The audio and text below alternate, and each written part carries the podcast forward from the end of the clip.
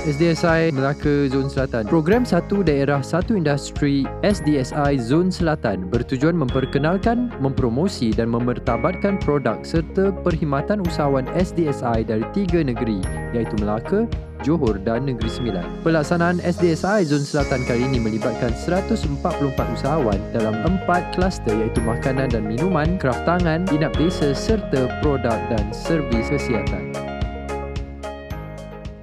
EFM.live for entrepreneurs by entrepreneurs. Ya, kita masih lagi bersiaran di program Satu Daerah, Satu Industri, Zon Selatan. Dan pastinya tetamu istimewa saya pada hari ini iaitu Ketua Setiausaha Kementerian uh, Pembangunan Usahawan iaitu Datuk uh, yang berbahagia Datuk Wan Suraya, Wan Muhammad Razi. Apa khabar Datuk?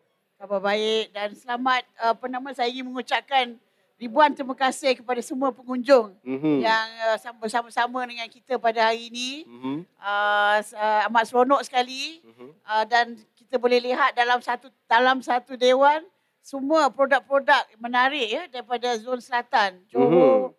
Melaka dan Negeri Sembilan. Ah, mereka bersatu hari ini sepanjang tiga hari ini mempamerkan produk-produk mereka. Okey, Datuk nak tanya Datuk ni berkenaan dengan program kita pada tiga hari ini. Okey, bagaimana Datuk melihat uh, satu uh, program satu daerah satu industri uh, zon selatan ini sendiri khususnya dalam membantu usahawan-usahawan desa kebanyakannya uh, untuk pergi ke uh, keluar peringkat global misalnya.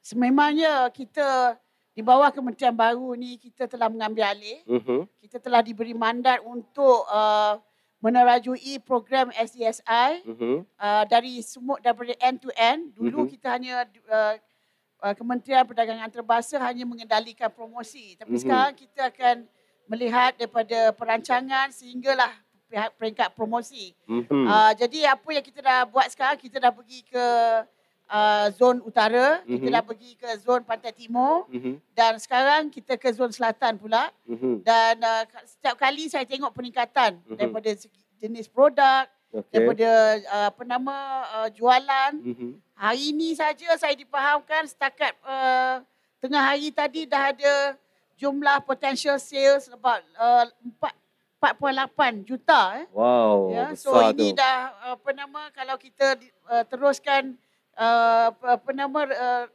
kerancakan penjualan macam ni kita mm-hmm. boleh insyaallah capai uh, perancangan kita sebanyak 10 juta. Ah ya, insyaallah so, apa nama tahniah mm-hmm. dan saya alu-alukanlah ya uh, tolong beritahu keluarga di luar mm-hmm. ya di mana-mana saja di Johor ataupun uh, Negeri Sembilan datanglah ke Melaka mm-hmm. ya uh, pada weekend ni mm-hmm. uh, untuk dapatkan semua produk-produk sebagai persiapan untuk uh, bulan puasa dan juga hari raya. Betul Datuk. Tak payah pergi jauh-jauh. Dah tak lama lagi pun kan. Dah dalam seminggu lagi kita dah sambut Ramadan. Okey, apa harapan Datuk untuk usahawan-usahawan ini untuk mereka lebih berkembang gunakan uh, medium yang ada ni yang disediakan oleh kementerian untuk mereka melalui agensi-agensi ni?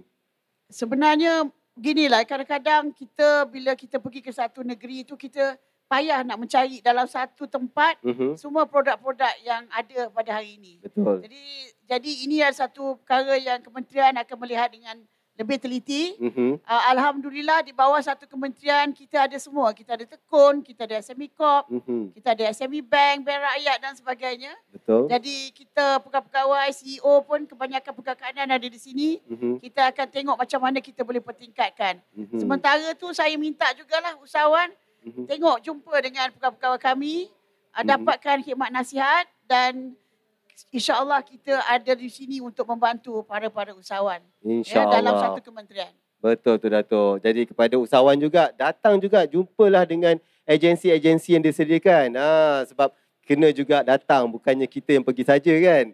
Ha, kena two way kan Dato. Okey apa um, perancangan uh, MED untuk SDSI mungkin yang akan datang di mana pula Datuk? Rancangannya? Uh, kita kita akan tengok uh, di negeri Sabah dan Sarawak. Uh-huh. Kita tak boleh uh, apa nama abaikan uh, apa nama Sabah dan Sarawak dan setiap kali kita akan teruskan uh, program ni uh-huh. kita akan cuba penambahbaikan. Satu uh-huh. uh, uh, kelainan daripada SDSI yang uh, kita telah adakan sebelum ni di Lumut uh-huh. dan juga di uh, Terengganu adalah ada Malaysia Kitchen. Ah, uh, ya, yes. dua, sebelum ni kita tak uh, kita belum ada Malaysia Kitchen. Mm-hmm. Tapi saya tengok menarik betul. Juadah yang ada sebaik belum puasa lagi. Kan? Uh, so nak makan apa-apa yang ingin inilah dia masa Inilah ni. masanya tu ya, eh. So setiap kali kita akan uh, membawa penambahbaikan. Dan InsyaAllah. uh, saya juga nak wawarkan besok uh, Yang Mamat Menteri, Mhm. uh, yang TYT uh, Governor, Mm-hmm. so, semua VIP-VIP akan datang ya. Mm-hmm. Jadi marilah bersama-sama sebab Yang Mamat Menteri memang uh, dia dia akan pulang daripada luar negara mm-hmm. uh, dan dia memang uh, apa nama uh, amat mengalu-ngalukan Mhm. program ini yang akan diadakan di orang kata negeri dia sendiri. Ya betul tu Datuk. Okey terima kasih banyak Datuk dan boleh tak Datuk uh, berikan ucapan untuk uh, kita nak menyambut Ramadan ni kan untuk pendengar-pendengar EFM khususnya. Uh, saya ingin mengambil kesempatan ini bagi pihak kementerian, bagi pihak warga kementerian dan juga agensi untuk mengucapkan selamat berpuasa, selamat mengerjakan ibadah puasa kepada semua warga-warga uh, Melaka, Negeri Sembilan dan juga Johor yang ada pada hari ini. Dan uh, ti- tidak uh, lupa juga uh, apa nama untuk selamat berhari raya jugalah.